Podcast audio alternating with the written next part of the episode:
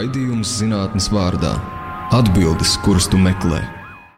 Ceturtdienās, septiņos vakarā. Labvakar, šis raidījums zinātnes vārdā. Es esmu Ivars Austers. Un šovakar es uzreiz pateikšu, kurā dienā mēs to raidījumu tagad uh, laižam ēterā. Tas ir 17. mārts, jo tam, tam būs nozīme mūsu vēlākās uh, sarunas kontekstā. Tad mums laipni ir piekrituši piedalīties divi uh, pētnieki no Latvijas biomedicīnas pētījumu studiju centra - Dārvids Friedmans, vadošais pētnieks, un Nikita Zrelovs. Labvakar! Nikita Zrelovs ir, uh, kā, kā tagad pareizi bija jāsaka, Remans Sajuka. Mēs jau sarunājam, zinātniskais asistents, atvainojiet, ja es neiemācījos no galvas, man jāpaskatās lapiņā. Labvakar, Dāvid, labvakar, Nikis. Labvakar. Jā, kāpēc es to datumu pieminēju? Mums pēdējā laikā, protams, Ukraiņas notikuma kontekstā uzmanības tādā fokusā ir lietas, kas ir saistītas ar, ar, ar, ar drošību, plašā nozīmē, bet no arī tādu, protams, ķermenisku, valstisku. Un mazliet ir aizmirsies par citu drošības veidu, kas ir saistīts ar veselību, konkrēti ar Covid-19 visām padarīšanām. Un man šķiet svarīgi šo tēmu kaut kā drusku atgriezt apritē, jo nekas jau nav beidzies. Ja, ja nu pēkšņi kādam ienāk prātā paskatīties, kāda ir statistikas dati attiecībā uz Covid, viņi jau nebūtu nav ļoti iepriecinoši. Un um, tad es atcerējos vienu pētījuma uh, tādu uh, virzienu, uh, kas tika sākts īstenībā jau Covid pašos sākumos konkrēti par to, kādā veidā ir iespējams notikūdeņos monitorēt Covid izplatību. Un tad, gribot, negribot, es nonācu pie Latvijas biomedicīnas pētījumu studiju centra, kur es saprotu, ka Dārvids vismaz sākotnēji bija viens no pamat cilvēkiem, kas pie tā strādāja un izstrādāja. Un, uh, varbūt ar to arī mēs sāksim šodienas sarunu. Kā tur bija, Dārvid, kā jums tas ienāca prātā, ka kaut ko tādu varētu darīt? Jo, ja mēs paskatāmies retrospektīvi, kas par to ir redzams, tad, cik es saprotu, tā nav nekāda superpopulāra metode pasaulē, ja ko tā, nu, pasties žurnālā un viss skaidrs. Vai ir tā? Nē, nē, nē, nē, tā īsti nav. Nu, Pirmkārt, man jāatzīst, ka ne jau, to, ne jau man tas ienāca prātā. Tas ienāca prātā bio direktoram Aivaram Bērziņam un RTU zinātņu projektam Tālim Juknam. Šie divi cilvēki ir gadiem strādājuši pie dažādu vides un notekūdeņu problēmas. Tālis vada ūdeņu laboratoriju RTU, viņa darbs ir tieši saistīts ar notekūdeņu apsaimniekošanu, dzeramā ūdens apsaimniekošanu, visām ūdens apsaimniekošanas sistēmām. Un Biors ir tā valsts iestāde, kuras pāraudzībā ir vides uzraudzības mērījumi. Mēs esam kaut kā vairāk saistīti ar medicīnu, bet tas, ko mēs mākam taisīt, ir ļoti advancā, ļoti, īpa, nu, ļoti mūsdienīgas ģenētiskās analīzes. Un, uh, atšķirībā no biora un, uh, mums uh, ir vairāk laika nodarboties ar zinātnē. Jo bioram ir ļoti, ļoti liela daļa darbu saistīta tieši ar tiem pasūtījumiem, ar testēšanu, ar visas sabiedrības vajadzību apmierināšanu. Un viņiem nevienmēr sanāk laika. Uh, izstrādāt, lai varētu ieviest praksē, ja tur nav tāda skaidra tūlītēja pielietojuma. Kur pretī mums, kā zinātniekiem, tas vienmēr ir ļoti interesanti. Mēs ar lielāko prieku metamies nu, avantūrās, dažādās, varētu teikt. Un tā SARS-CoV vīrusu noteikšanu notekūdeņos. Pašā sākumā mēs bijām viena no pirmajām Eiropā, kas par to vispār sāka runāt. Nebija tā, ka mēs bijām pirmie, kas sāka runāt, tur daudz laboratorijas centās to darīt, bet mēs bijām viena no pirmajām, kuri kaut ko iesāka. Bet, nu, kā jau parasti, finansējuma nepietika. Nu, man ir jāstrādā to projektu ietvaros, no kuriem man kaut kā alga maksā. Tad tas gāja tādā nu, pašentuziasma līmenī. Mēs sākumā izmēģinājām.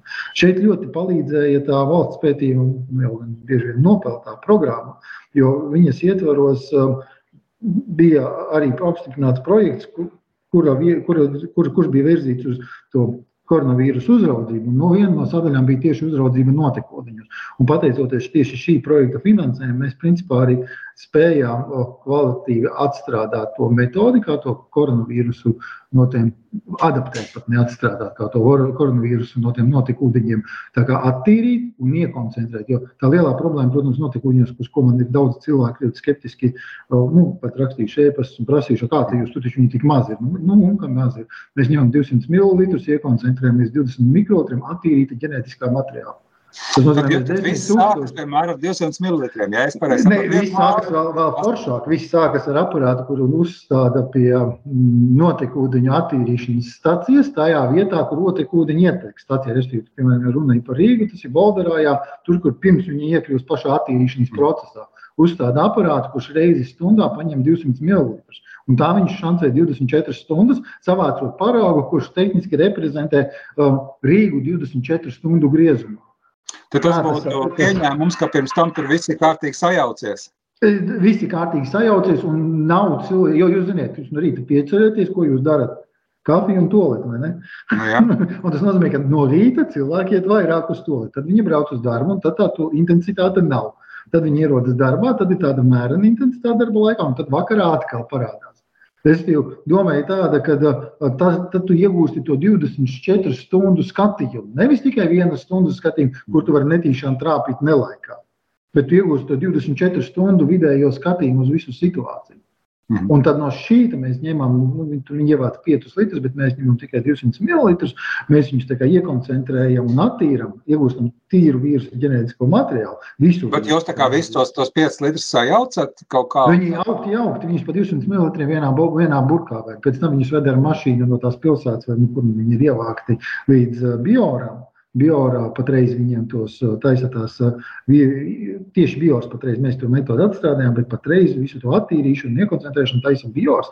Viņi no tiem 200, paņem tos 200 ml, iekoncentrē līdz 20 mikrolitriem uh, tīra ģenētiskā. Nu, tas jau apmēram 10 tūkstoši reizes iekoncentrē faktiski. Mm līdz tīra ģenētiski. Un tad viņi taisa koncentrāciju, par cik viņi zina, un nosaka, cik kopijas tajā mazajā draudziņā parauga ir. Tad jau tas gandrīz uz homeopātiju aizvelk, ja tā nevajag.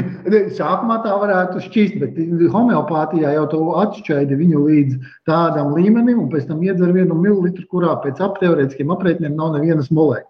Tas bija muļķīgs mēģinājums jokot. Es saprotu, bet šajā gadījumā mēs darām otrādi.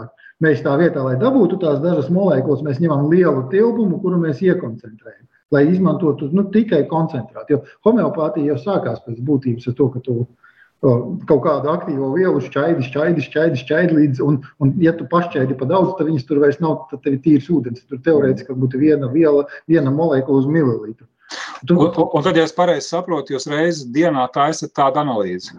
Vai mēs tas... taisām tādu analīzi. Mēs 24 stundas vācam paraugu, un tādu analīzi taisām divreiz nedēļā, divas reizes jo... nedēļā. Katrā personā. Jo reizi dienā tas būtu diezgan liels darbs. Vairāk dārgi. Un es vairāk uztrauktos par to darbu apjomu. Dārdzības ziņā es domāju, ka mēs esam lētā. Mēs uz vienu analīzi mēs esam dārgāki nekā tie testi, ko valsts apmaksā diagnostikas laboratorijām. Bet, uh, ņemot vērā, ka mēs uzreiz skatāmies uz visu pilsētu, tas nemaz tik dārgi neizmaksā. Mm. Tā kā, tā. Un tad, tas, ko mēs darām patreiz paši, pēc tam, kad bios ir iekoncentrējis, uz tā noskaidro, not, not, noteicis, cik tur īsti to vīrusa daļiņu tajā uz vienu mililitru notekūdeņu ir, mēs pēc tam vēl pa virsmu tam visam taisam sekvenēšanu. Mēs paskatāmies, kas tur ir. Delta, omikrons, vai kāds mēs mēģinām noķert tās mutācijas, kādas ir. Un mūsu rezultāti ļoti skaisti to pārēju no viena uz otru rāda. Mm -hmm. Mm -hmm. bet, sakiet, eh, bet jūs jau kaut ko citu ar tur atrodat. Nu, tur kaut kāds fona ģenētiskais materiāls ar tur ir, vai ne? Nu, tas jau nav. Jā. Jūs varat uzreiz pateikt, šis ir vīrus, vai ne, un tas ir Covid-19 vīrus, un, kā, un tā tālāk. Jā, jā nu, tā ar ģenētiskām analīzēm ir tā, ka nu, vispār visu pētniecību ir tā, ka tas ir jautājums, ko tu uzdod dabai. Un tas jautājums ir nekad, eh, viņš var būt, protams, cipariskā formā, cik daudz, bet parasti viņš ir kā vai tur ir. Mm. Tas nozīmē, ka mums pa lielam tas ģenētiskais materiāls ir pie mums atnācis uh, uz uh, zinātnieku nakti. Mums te ir tā klasiskais viens no, mm, kā to teikt, izklaidēm ir izdalīt ģenētisko priekšnesumiem, ir izdalīt ģenētisko materiālu no zemes. Un tie, kas ir izdalījuši, viņi zina, ka zemenē viņš ir, kad tu izdali un izšķīdini, viņš ir izstāsts kā caurspīdīgs ūdens. Tu neko nevari pateikt. Un tad, kad jūs iedomājaties, mums ir tas caurspīdīgais ūdens, un man jāpasaka, vai tur ir koronavīruss. Mēs netaisām tādu analīzi, ka mēs nosakām pilnīgi visu. Mēs, mēs, mēs, mēs taisām analīzi, kur pasaka, vai tur ir koronavīruss un cik daudz viņa tur ir. Respektīvi, mēs uzdodam jautājumu, vai ir koronavīruss. Un tad saņemam atbildi, jā, viņš ir un ir tik un tik daudz kopijas. Mm -hmm. Respektīvi, es esmu pārliecināts, ka tur ir ļoti daudz dažādu citu vīrusu visā tajā zupā iekšā, bet mums nemaksā par viņa noteikšanu. Tas, tas paliek ārpus jūsu uzmanības fokusa. Tas paliek, tajos paraugoša informācija ir, bet tas paliek ārpus tā jautājuma, kuru mēs uzdodam. Ir metode, ja man īstenībā gribējās tādu jautājumu uzdot, eh, kas ir paralēli kaut kādi negaidītie uh, atklājumi. Ja? Uh, vien, ka par tādiem būs grūti runāt šobrīd. Nē, tādi nav. Es, tas, ko es varu pastāstīt, ir, ka visā pasaulē notikot, viņš izmanto dažādu vīrusu un patogēnu uh, klātbūtnes noteikšanu. Es zinu, ka, piemēram, poliovīrusu Somijā viņi, viņi gan viņus neizmanto tā kā mēs ģenētisko analīzi, viņi savādāk taisa, bet, bet viņi reāli skatās, vai viņš tajās, ja tu atrodi notekūtņos, tev ir problēma, fiks jāliet risināt. Viņu izmanto regulārā monitoringā, lai, lai dabūtu to statusu, ka šajā valstī šī konkrētā patogēna nav, vai arī ja, cik daudz viņa ir. Ja tas ir kāds, kurš ir piemēram, izplat, nu, pre, nu, bieži sastopams patogēns. Respektīvi, notikotņos šī visa informācija ir. Vienkārši tas jautājums ir specifisks. Tu uzdod viņu, vai tur ir un cik tur ir. Un tad tu saņem atbildi. Ir tādas ļoti jaunākās metodas, kuras ļauj noteikt, pasakiet man, kas tur viss ir. Tas ir kaut kas, ar ko Nikita kā reiz nodarbojas. Viņš noteikti jums pastāstīs vēlāk. Bet uh, šīs metodes uh, ir samērā dārgas. Tie vairs mēs vairs nerunājam par kaut kādiem desmitiem eiro līdz 100 eiro, tie ir vairāki simti eiro, tūkstoši eiro. Tās ir, tas ir principā tās, tās pašas tehnoloģijas, ar kurām nosaka visu cilvēka genomu sekvenē. Nu, es tikai nosaka visu, kas tur ir nosaka. Bet tas vienmēr ir padarīts. Tas ir kaut kas līdzīgs tam, kā kādreiz teica, ka Japāņi aiziet uz mazmājiņu, un pēc viņam iznāk izdrukājas lapa, kas viņam ir, kā ar veselības stāvokli. Nu, tas, ko jūs Dāvi teicāt no rīta, kur tu no sākuma aizēji. Vai... Jā, jā. tas, starp citu, pat diezgan ticams. Es, es, es domāju, ka ir tādas iekārtas, kuras kuras, kurās ir iestrādāti šie te, uz, piemēram, filtra papīra, uzstrādāti kaut kādi krāsu reaģenti, kuri dod signālu, ka tev, es pieņemu, ka tādus var. Un kad var uztaisīt iekārtu, kur automātiski paņem paraugu, un tad ir izdot krāsu signālu ārā pēc krāsu zonām. Tas tā kā grūtniecības testā jau arī tur palielinās mm -hmm. uzturā. un Jā. viņš to pasaka, kas tev ir. Tas ir jautājums tikai par to, cik daudz jautājumu tajā testā ir iekšā. Grūtniecības testā ir viens jautājums, vai tur ir, uh, es nezinu, kā sauc tā hormonu. Nu, bet tagad jau arī, teiksim, ar, ar, ar um, Covid testu arī, cik es saprotu, iespļauju, ja, ka tur arī kaut kā līdzīgi tas parādās. Covid, jūs domājat, to ātrā testu? Ja jā, ātrā. Jā. Jā, nu, Covid ātrākais tests viņš nosaka, vai jūsu siekava paraugā ir uh, vīrusa uh, obaltumvielas. Vīrusam sastopamās obaltumvielas. Nu, mēs skatāmies uz ģenētisko materiālu, tas ir daudz jutīgāk analīze, jo viņi paredz jau tā vīrusa materiāla vēl uh, signāla pastiprināšanu. Kur pretī tas jūsu tests nepastiprina signālu, tas ir vienkārši, vai viņš ir. Tas, ko es varu par tiem ātriem testiem pateikt, ja viņš ir pozitīvs, tad tu esi infekcijos. ja, tas, ja, ja viņš ir negatīvs, tas vēl nenozīmē, ka tu neesi infikcija, inficēts. Mm. Iespējams, tu esi mazāk infekcijos, bet tu mm. vienalga vari kādu tur noinficēt teorētiski. Bet, ja viņš ir pozitīvs, tad tu pilnīgi noteikti esi infekcijos. Tad daļiņas nāk ārā. Mm, mm, mm. No, tā... Nikita, jūs klausāties, kā, no jūsu viedokļa, kā tas viss izskatās? Nē, man liekas, ka vispār kā, tagad sekvenēšanas no tās tehnoloģijas viņas pavēr. Nu, tā kā viņas jau kādu laiku zināmas, protams, tur pirmais genoms vispār bija arī vīrusam, starp citu, dešifrēts. Kad jau, laikam, nu, jau 40 gadus atpakaļ, ja nemaldos, pat vairāk nekā 40 gadus atpakaļ. Un, protams, tas viss ir attīstījies, un tas ir nesalīdzināmi arī daudz lētāk paliek un daudz lielāka procesivitāte tam visam. Un tā arī rodas no tādas notekūdu epidemioloģijas un tā tālāk pielietojuma. Ka principā tās paliek pielietojamākas un Vairākas valstis var to atļauties ar katru gadu, jo tas viss paliek lētāk, tas viss paliek skaidrāk un atstrādātāk. Un kā, ja viens kaut kāds pētnieks tur kaut ko ir izgudrojis, viņš ir nopublicējis, pārējie, protams, pieskatīsies. Nu, ja to var praktiski pielietot, tad, protams, no, kā pareizi Dārvids saka, ka principā tagad tas uh, aprobežojas tikai ar dažām lietām, bet realitāte mēs varam arī katru nākamo vīrusu, kuru, ja mums piemeklēs agri vai vēl, notiks atkal tā kā kaut kādas vīrusu pārlaiks, jo principā visi vīrusi viņi laic no dzīvniekiem uz cilvēku. Nu, ne visi, bet vairums no tiem cilvēku vīrusiem viņam ir nu, izcelsmē saistītā ar dzīvniekiem. Nu, un tad, jā, nākošais jau tas būs daudz vieglāk implementēt. Kā tagad tas bija nu, atstrādāts, tagad ar SARS-CoV-2 tas parādīja savu nu, kā, efektivitāti, kā var monitorēt, var skatīties, kādas līnijas izplatās. Arī tā mutāciju līmenī, vai parādās kaut kas jauns, vai tā. Un, kā jau pareizi minēts, ka tā visa testēšana mēs jau bijām sekvenējuši arī kā, no, tiem, no tām uztriepiem, tā kā katram cilvēkam, kāds ir tur vienam izolēts, kāds ir otram. Un tur ir tas labums, ka mēs varam kā, pateikt, ka šitais ir inficējis no šīta, nu, ņemot vērā to evolucionāro attālumu starp diviem paraugiem, tur cik burtiņu nomainījies vienam, cik otram. Nu, ja tu paiet, piemēram, no Covid sākuma, man tur bija pagājis šī pāris mēneši, nu, tad, principā, pa pāris mēnešiem viņš jau tur apmēram nu, pats tas vīrus, viņš 300 tūkstošu burtiņu virkni var uzskatīt, ka viņš ir tas genoms. Un viņš nu, apmēram reizi divas nedēļas maina to burtiņu. Un tagad tiem jaunajiem variantiem mazliet ātrāk, tur, bet, nu, principā var pieņemt reizi divas nedēļas. Un, nu, paiet pāris mēneši, nu, tur, piemēram, trīs mēneši, viņam vajadzētu samainīt tur sešus burtiņus. Un, protams, viņš maina nejauši. Nu, tā kā fiks, nu, jā, var pieņemt tagad tā vienkārši tikai nejauši maina. Un pieņemsim jau kāda varbūtība, ka tur viņš nomainīs nu, sešus vai protams, daudz uh, lielāka nekā viņš 60 burtiņi, 60 nomaiņas no oriģināla. Pieņemsim, ja diviem cilvēkiem sakrīt un jau pagājis nu, ilgāks laiks.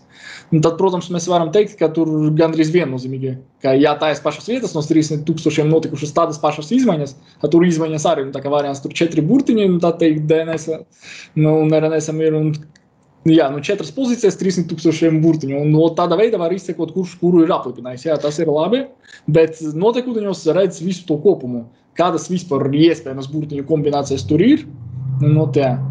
Bet, jā, Nikita, tagad man īstenībā ļoti patīk šī tēma, ko jūs aizskārāt. Es tāpat būtu gribējis pavaicāt.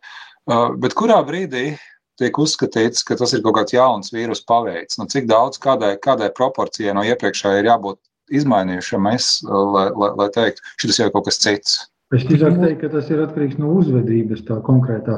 Ja viņš uh, faktiski klīniskā izpausme identiska un nekādas starpības nav, kādas, kāda jēga mums viņu saukt par jaunu paveidu. Mm. Jau, tā jau ir. Viņš, tā kā Nikita teica, viņš visu laiku mainās. Principā jau no katra cilvēka viņš iekļūst vienā cilvēkā, viņš tur dzīvo, viņš pamainās un jau bišķīt savādāk nodod nākamajam cilvēkam. Nu, vai tādu pašu, vai bišķi savādāk nodod nākamajam, ar citu mutāciju, klāt mutācijām nākušām. Nu, principā, ja abas izklādes, klīniskās izpausmes abiem ir vienādas, tad es nevaru teikt, ka tas ir cits paveids. Toties es varu teikt, ka viņi ir viens no otra cēlēs. Jo tam pirmajam cilvēkam, tam otrajam cilvēkam, kurš no pirmā inficēs, būs visas tā, tam vīrusam, būs visas tās pašas mutācijas, kas bija tā, tam vīrusam, kas bija pirmajā cilvēkā, plus vēl tās jaunās, kas tajā cilvēkā ir radušās. Mm. Un tā tu vari izsekot, kurš kur ir inficējis. Tas ir tas, ko tā kā strikti ņemot, noslēpt nevarētu, ja baigi interesēti. Jā, tad... Nē, nu, mēs tieši tā arī darām. Mēs, mums ir bijis katru vietu ādažu skola, laikam ādažu skola, kur tas bija. Bija skola, kurā bija diezgan spēcīgs uzlaismojums, tad, kad Latvijā vēl bija tīri neko tā situācija. Un tur no visus paraugus, kas nāca no tās skolas, mēs gan cilvēku vārdus, uzvārdus nezinām nekādā gadījumā. Mēs esam pētnieki, mums tādu sensitīvu informāciju nepiešķir. Tas, ko mēs zinām, ka viņi ir nākuši no viena konkrēta reģiona. Mēs varam tos vīrusus analizēt, un mums ir kaut kāds, mm, man liekas, tas bija SPK, kāds ir piešķirts parauga numurs? Mm, nu, kaut kādi tur jā, ir tie kodoli. Man liekas, ka tas ir SPKC piešķirts parauga kods.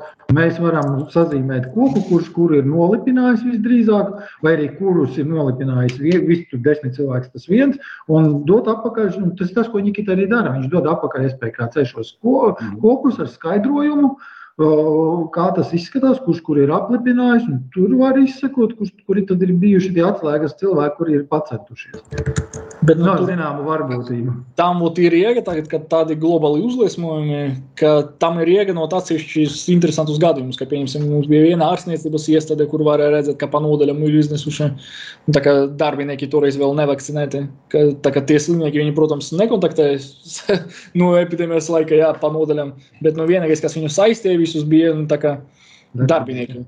Ārstniecības iestādes darbinieki, un tur varēja redzēt, ka principā caur tiem darbiniekiem tā kā viens un tas pats nokļuva diezgan īsa posma, tā kā uz četrām dažam, dažādām nodaļām. Tā kā tādas lietas, jā, par to skolu tur bija tā, ka tur arī jau bija visa epidemioloģiska droša vide, it kā un tā tālāk visas tas mācības. Nu, tur pat gāja tā kā sākuma skola un pamatskola uz vienu Un tā kā, ja es pareizi sapratu, jā, nē, sākuma skola gāja uz vienu eku, jā, amatskola un vidusskola uz otru eku. Bet tur, principā, varēja redzēt, ka viņi arī ir lielākais no tiem uz, uzliesmiem un tā līnija. Tur vairāk gadījumu bija viena un tā pati, kas, principā, nozīmē, ka arī vai nu tas bija kaut kāds skolas darbinieks, Vai nu tas bija tā, ka nu, viena ģimene, pieņemsim, saslima, un bērni, nezinot, ka viņi ir slimi, tur aizgāja mazais uz savu eku, Un, jā, vecākais tur uz citu eku. Un arī nu, tā, toreiz to atklāt īsti nevarēja, bet nu, bija skaidrs, ka tomēr viens un tas pats genotips, ka tā teikt, skola bija slimojusi jā, ar vienu un to pašu, var teikt, lielākoties.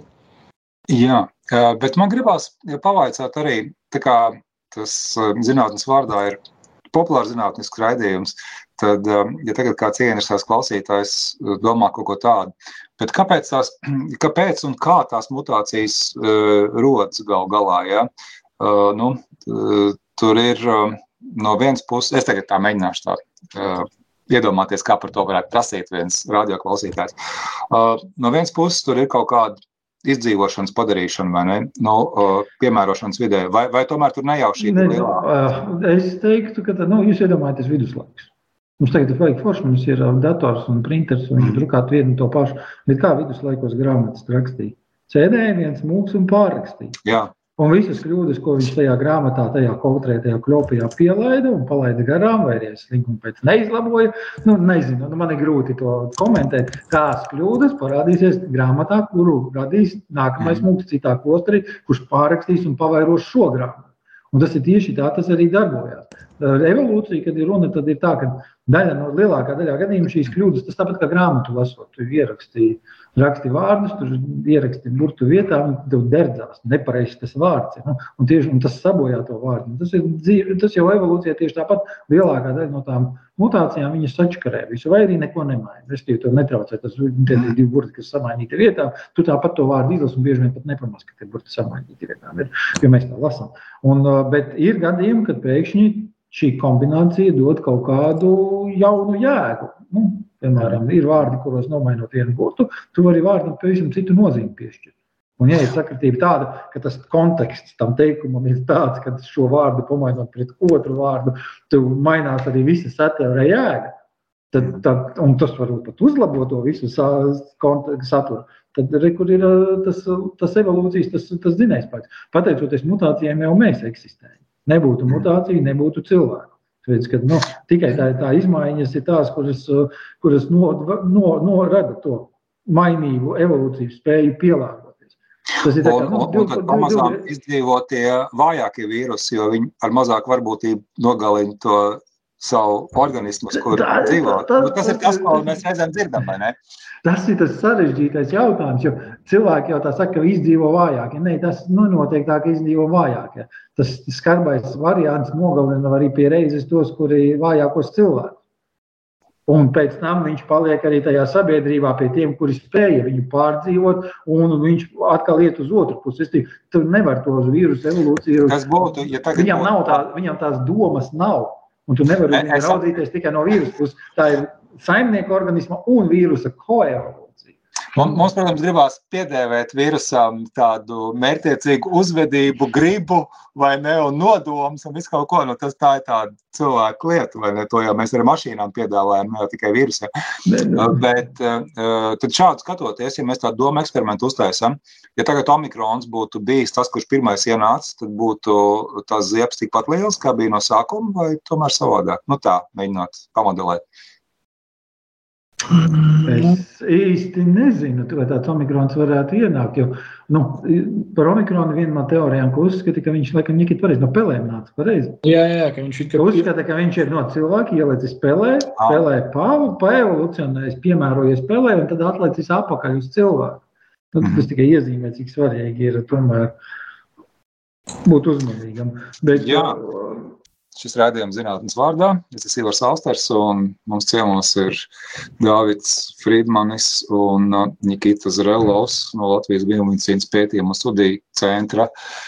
Dāvids ir um, vadošais pētnieks, un uh, Nikita ir zinātniskais asistents. Uh, abi divi strādā ar šķiet dažādām tēmām, bet nu, šobrīd mēs fokusējamies uz to, kādā veidā ģenētiski ir diagnosticējams šis, es lietošu īso nosaukumu, Covid-19, ja? un, un, un kā mēs to varam jā, noķert šo vārdu, šiem liekot pēdiņās. Notekūdeņos tas ir Un, un te man nāca prātā uzreiz paprasīt otru lietu. Noķert, mēs sakām, vīrusu noķert. Ja?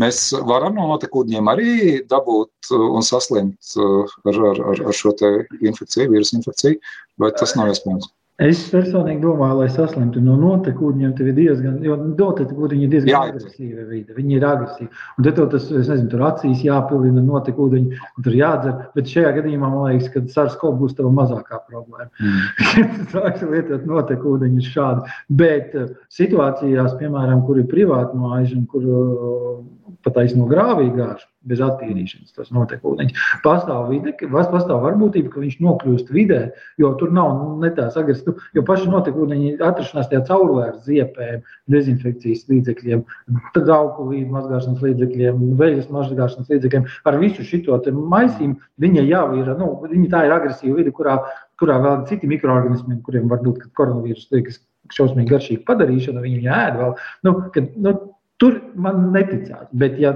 no mājas pat aizno grāvī laiž, nu, aizgājis to līdz nolaid ielaida grāvī, tad gan var sanākt ziepes. Jo, mm. Un tur, man liekas, ļoti labi ilustrē viens pētījums par to, ka viņi baltas briežus um, Amerikā testēja un secināja, ka uh, vai tik nebija 70% no tiem dzīvniekiem ir vai nu slimi vai pārslimojuši mm.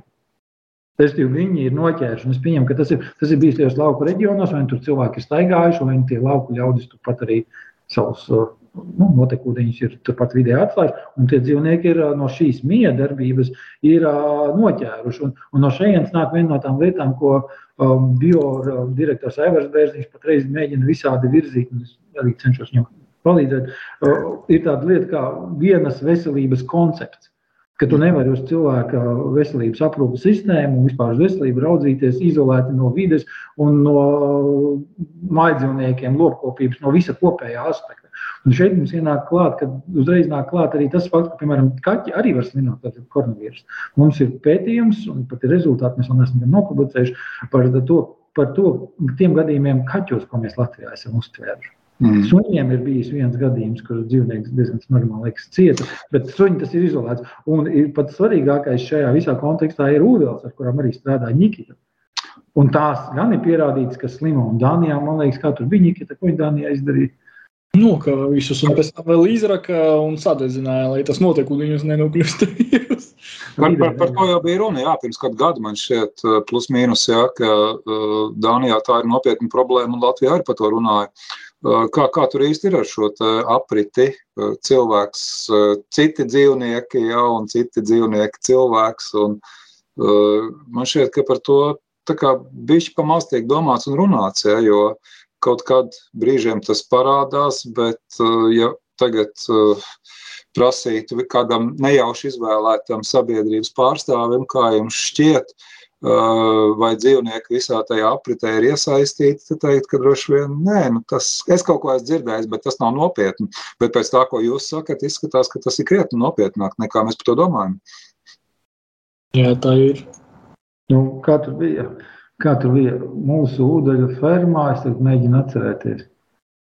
Viņus diezgan agri tos dzīvniekos, bija, ka diezgan agri Nikita tajos dzīvniekos konstatēja to. 21. gada aprīlī tur kaut kas sākas, nu, tāds no. jūtīgs, ja es pareizi sapratu, un toreiz nu, bija aizdoms patestēt viņu uz to Covid. Tad patestēja, atradās, ka, jā, ka viņš tur ir tiem dzīvniekiem. Un pēc tam nu, tur stāsta pats pati interesanta, daļa ir tāda, ka o, tieši kam ir tur tas Covid cirkulē, un tur, lai saprastu, un tā kā maz maza platība, daudz dzīvnieku. Tur bija vienu brīdi, man liekas, 300 tūkstoši dzīvnieku, nu, kur viņš var brīvi cirkulēt, kā izrādījās. Nu, tā kā diezgan. Bet nu, problēma tā, ka tur bija arī cilvēki, kuriem bija jāievēro kā, nu, tie fermas darbinieki drošības pasākumi visādi.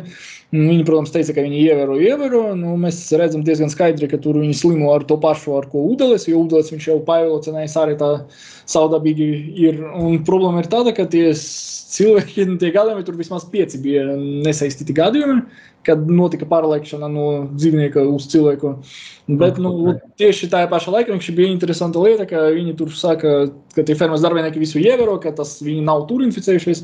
Nu, pirmkārt, tā ferma, nu, viņa oficiālā pozīcija, viņi nesaprot, kā tas strādā. Ka, nu, Tā kā evolūciju nevar apmanīt tādā veidā, ka mēs viennozīmīgi varam pateikt, ka tas ir nācis no tās fermas. Un, jo nekur citur, un ir lielāko daļu no tā laika, kad viss notiek, kad mums tur bija alfa, alfa nomainīja delta. Tā ferma joprojām viss tas pats notiek. Un, ka, principā, vienīgā vieta pasaulē, kur var dabūt tādu genotipu, ir tieši tā viena ferma Latvijā. Tur, man liekas, jau bija kaut kāda specifiska mutācija, pareizi, nu jā, kura, kura faktiski ir ļoti vīrusam, lai piemērotos dzīvei, ūdenēs, viņai jābūt šai izmaiņai, tas... un viņa ļoti ātri parādās. Pareizi? Jā, principā arī Dānijā bija novērots no dažas tās bīstamas mutācijas, ko viņi nosauca, un tā kā mums viņa arī ir, un kā parādīja nu, tā kā praksi, tad viņa pa pasauli izlaica arī citur tajās fermas. Viņš citur varbūt nenotiek, nu, nav tik svarīgi tas tā, ka, nu, labi, tā ne viņu nogalināja tur un tā tālāk, bet, nu, principā jau nevienu tas netraucēja, tas neparalēc uz cilvēku, un, principā tas ir, nu, tā kā, sava veida pastāv risks, ka nākamais nu, variants pēc omikrona teikt, radīsies pie mums, mums ūdens Latvijā. no, nu, tā, bet tur par omikronu jau domā, ka no peles ir nācis. Kāpēc? No, nu, jā, joks tur ir vēl tāds, ka kamēr cirkulē no tas vīrus turpina attīstīties, tā kā tajā fermā, ka tur vēl bija infiltrējušies tie dzīvnieku brīvībā. Nu, viņi jau, protams, pret tur animal cruelty visu to, bet viņi tur filmēja to video, kad viņi nu, stāsta, tie fermas pārstāvji stāsta, ka viņiem viss epidemioloģiski droši tur un tā tālāk, bet video mēs redzam, ka tur darbinieki, tā kā tā teikt, iet tur pie sejas rokas to ūdenis, nu, apmēram tā, tādā veidā, protams, ar masku tur, kura nav, kā vajag vilkt, tur, nu, tādas lietas. Tas bija nu, ziņu sižets arī, nu, tas pats trakākais, ka tas tieši notika tajā laikā, kad tur joprojām viss attīstās, vīrusu cirkulē un evolūcionē. Ka, kas ir, teiksim, ja tagad, jā, jā, jā, no šī visa, ko jūs stāstat, ja ir jāpaņem kaut kāda esence, uh, kas ir tajā cilvēku dzīvnieku miedarbībā, tas, ko mēs vismazāk ņemam vērā, bet ko mums vajadzētu ņemt vērā, nu, ko, par ko nedomā. Ja? Nu, teiksim, mēs paņemam, nezinu, nu, kā parasti saka, valdībai būtu jāņem vērā tas un tas, vai ne? Uh, par, par, par, par ko ir vairāk jādomā. Jo nu, uh, tas, tas, tas Covid jau nepazudīs pats no sevis. Nu, varbūt, ka pazudīs, bet jautājums par, par izmaksām vai ne, nu, par to jau ne, vienmēr ir. Viņš, viņš pazudīs tā, ka mēs būsim visi pietiekami imūni tajā brīdī. Nu, kā, ko vīrus jau ir plēsējis. Mm. Nu, tas ir tas, ko man liekas, ne visi saprot, ka vīrus ir nevis uh, slimība, bet viņš ir plēsējis. Viņš kamēr būs nosauksim cilvēks gaļa, tikmēr pēcējs arī ies un viņu medīs. Un tieši to jau viņš dara. Cilvēki, kas nav imūni kaut pret konkrēto vīrusu, kuriem nav antivielas, kas viņus pasargā, tos viņš atkal ņem un uh, metas virsū un nē. Un tie cilvēki atkal var nodot viņu tālāk. Un vīrusi, visas tās spāņu gripas kā reizi pazuda, tāpēc, ka, redzot, tie vīrusi radīja pietiekami spēcīgu imūnu atbildi, ko šis vīrus ļoti švaki dara. Imūnas atbildi ir ļoti vāja, tāpēc pat divām reizēm gadā var slimot ar vienu to pašu subtipu. Uh, Un, ja visi ir pietiekami imūni, viņam jau nav ko ēst. Viss, viss, viss, viss, visa viņa barības bāze ir izsīkusi. Viņam nav uz ko mesties virsū. Ja mēs būsim imūni, mēs būsim, jo šeit ir tas daudz pētījumu to ir parādījuši, ka, ja tu esi pilnībā vakcinējies, pārslimojis vēl, tur bija gan ar delta, gan ar omikronu, tad citi subtipi jau daudz sliktāk tev līp virsū. Mm. Un, un, un, respektīvi, kad tā imunizācija ir liela nozīme tam, lai mēs viņu, viņu izplatību apturētu. Tur, protams, ir šauri skatīties no viena individu viedokļa, ka ko tam man tas viss ir pār, nepārbaudīts. Nu, es teiktu, ka tā nav taisnība. Nu, protams, tās vakcīnas ir gājušas ļoti rūpīgas pārbaudas, un dažos daudzos cilvēkos mums ir, ir, ir izmēģinātas. Ir jāseko vienkārši tam, ko doktori saka. Un mediķi saka, nevajag iet skriet pēc tam, kad esi novakcinējies. Tur bija trīs dienas. Jāsaka, un, un, uh, tad, tad, tad ideālā gadījumā tas būtu tā, ka arī dzīvniekus, teiksim, vakcinē vai kaut kā tāda. Ir, man liekas, ka viņi, kad man stāstīja, ka ir valstis, kur tos dzīvniekus vakcinē, pareizi. Tas kaut kā nebija sekojis īstenībā. Nē, bet, nu, es neatceros. Kaut kādas tādas bija, jā. Par, bet, par, tas jau ir tas, ko dara. Tu viss tas ir vakcinē. Ir, nu, dzīvnieku vakcīnas ar mazākām prasībām kā cilvēku vakcīnas, bet govis un visas par tām tipiskajām slimībām vakcinē kaut kā tāpēc, lai to produkciju nekā, nebojātu, to produktu, ko tu iegūsi. Mm. Tur, tur, tur tā, protams, ka tas ir viens no veidiem, kā ar to risināt, bet tas, kas, manuprāt, mums Latvijā ir, neņem līdz galam, ir, ir, ir, ir tas konflikts starp starp privātajām biznesa interesēm un sabiedrības interesēm, ko pārstāv valdība. Jo, protams, kad viņiem izkaut visu to fermu, tas ir nenormāli, nu, pietiekami lieli izdevumi. Un, ja jau viņus kāds mēģina izspiest no šī biznesa ārā, jo sevišķi apstākļos, kur Dānija ir pazudusi un konkurence ir samazinājusies. Brīnišķīgā situācijā.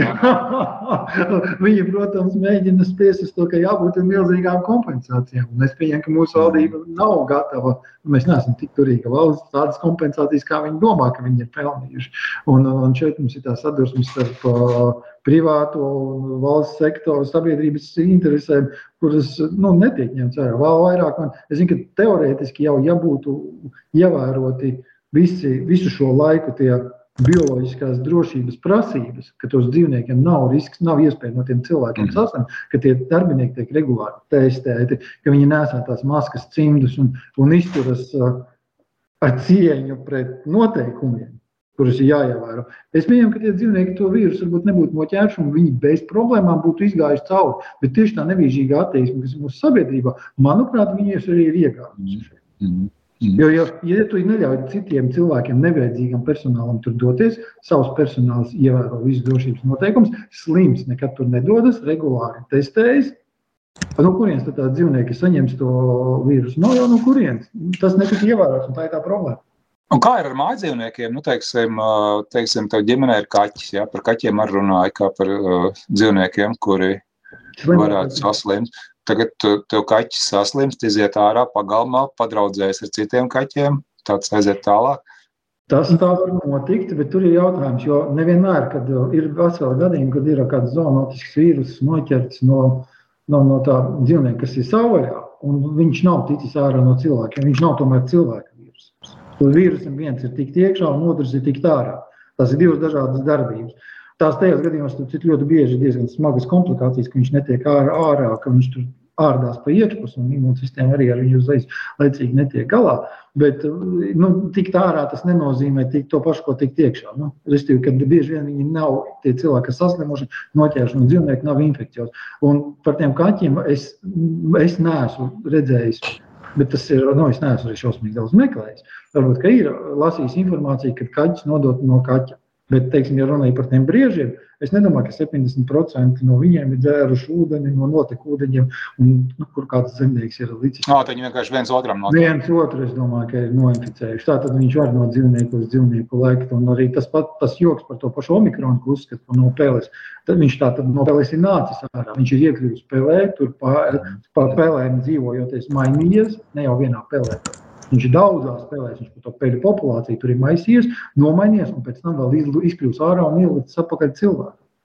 Mm. Respektīvi, nu, var no dzīvnieka dzīvniekam nodot. Par kaķi es to nezinu, tāpēc, ka tam vajadzīgs atsevišķs pētījums. Ja nav tādu skaļu ziņojumu, ka kaķu populācija tur kaut kādā Romā, kur viņiem ir normāli daudz, bet ja kaķu salā Japānā tur viss ir slimi, tad es pieņemu, ka visdrīzāk ka no kaķu uz kaķi tā tik vienkārši nelēt.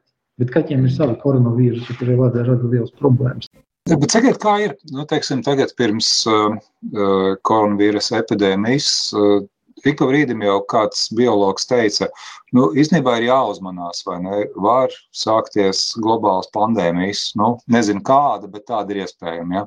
No. Nu. Uh, vai tagad, ņemot vērā uh, jūsu zināšanas pētījumus, nu, jūsu, es domāju, plašā nozīmē, visi, kas nodarbojas ar uh, ģenētiskā materiāla meklēšanu, noķeršanu, analīzi, vai ir iespējams jau kaut kādi nu, brīdināšanas modeļi, ja?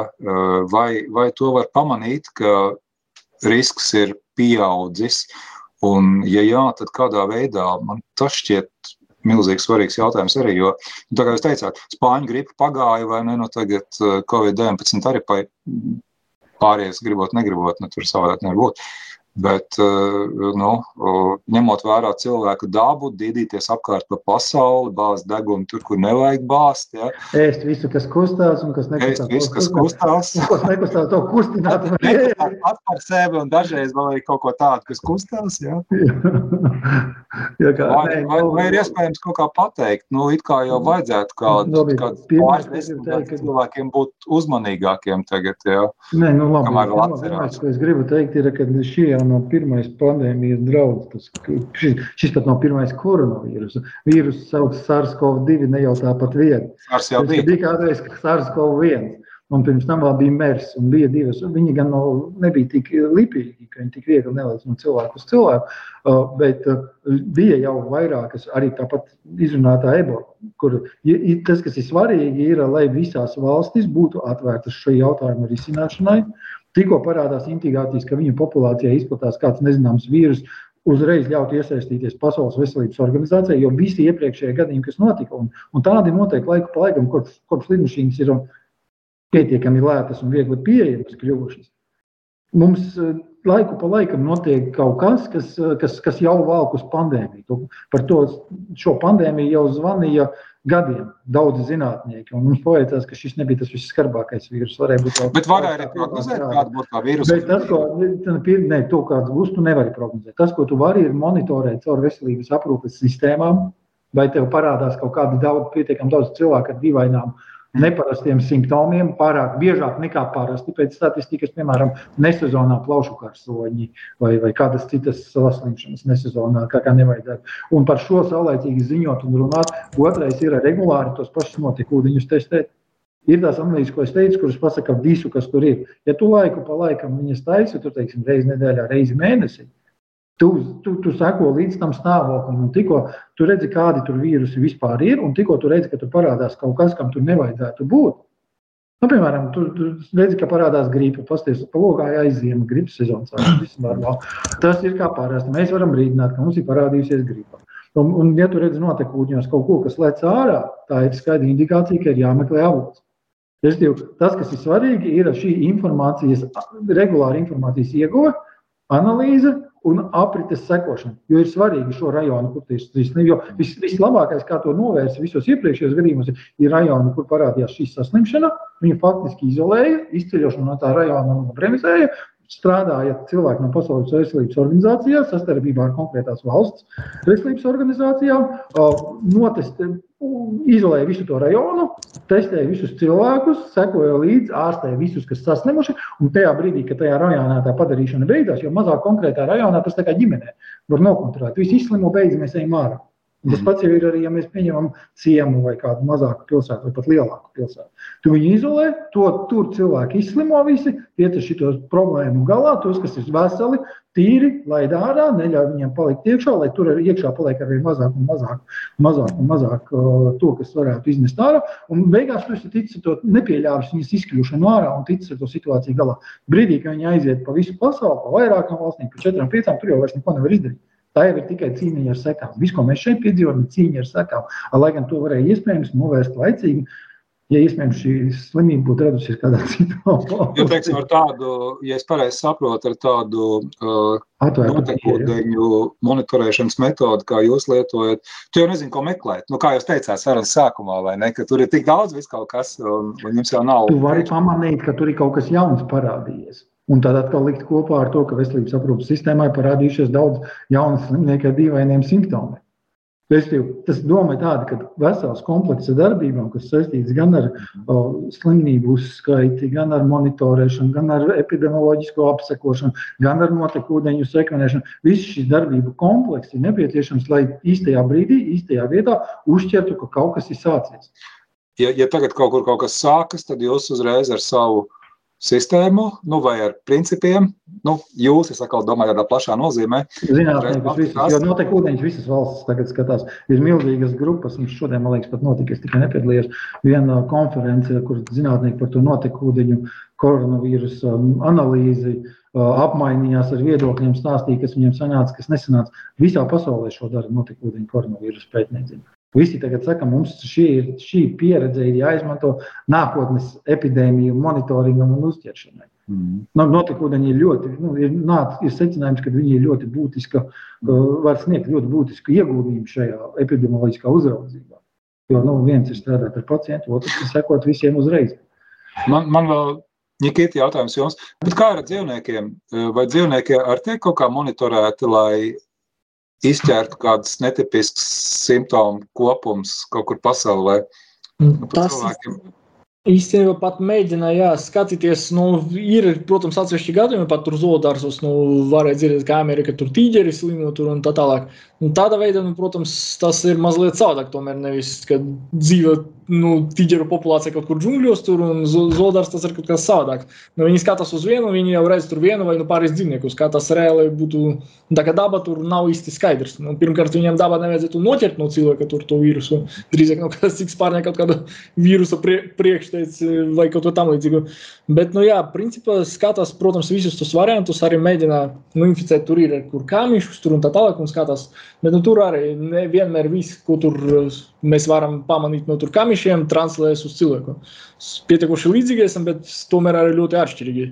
Tā kā tas vairāk nu, tā kā tāds modelis, bet speciāli, protams, arī nu, tur etikas komisijas atļauj, protams, dabūt, ka vot, mēs vienkārši gribam paskatīties, kā tur vīrusu uzvedīsies kaut kādā kamitī, tas jau arī diezgan sarežģīti. Tur vajadzētu būt kaut kādai domai. Nu, tā visa, ka mēs tur gribam skatīties kāds tur virusu daudzums var būt šitam jaunam variantam, ka tur vajadzētu būt pamatotam aizdomam, kāpēc mums skatīties to tajos dzīvniekos.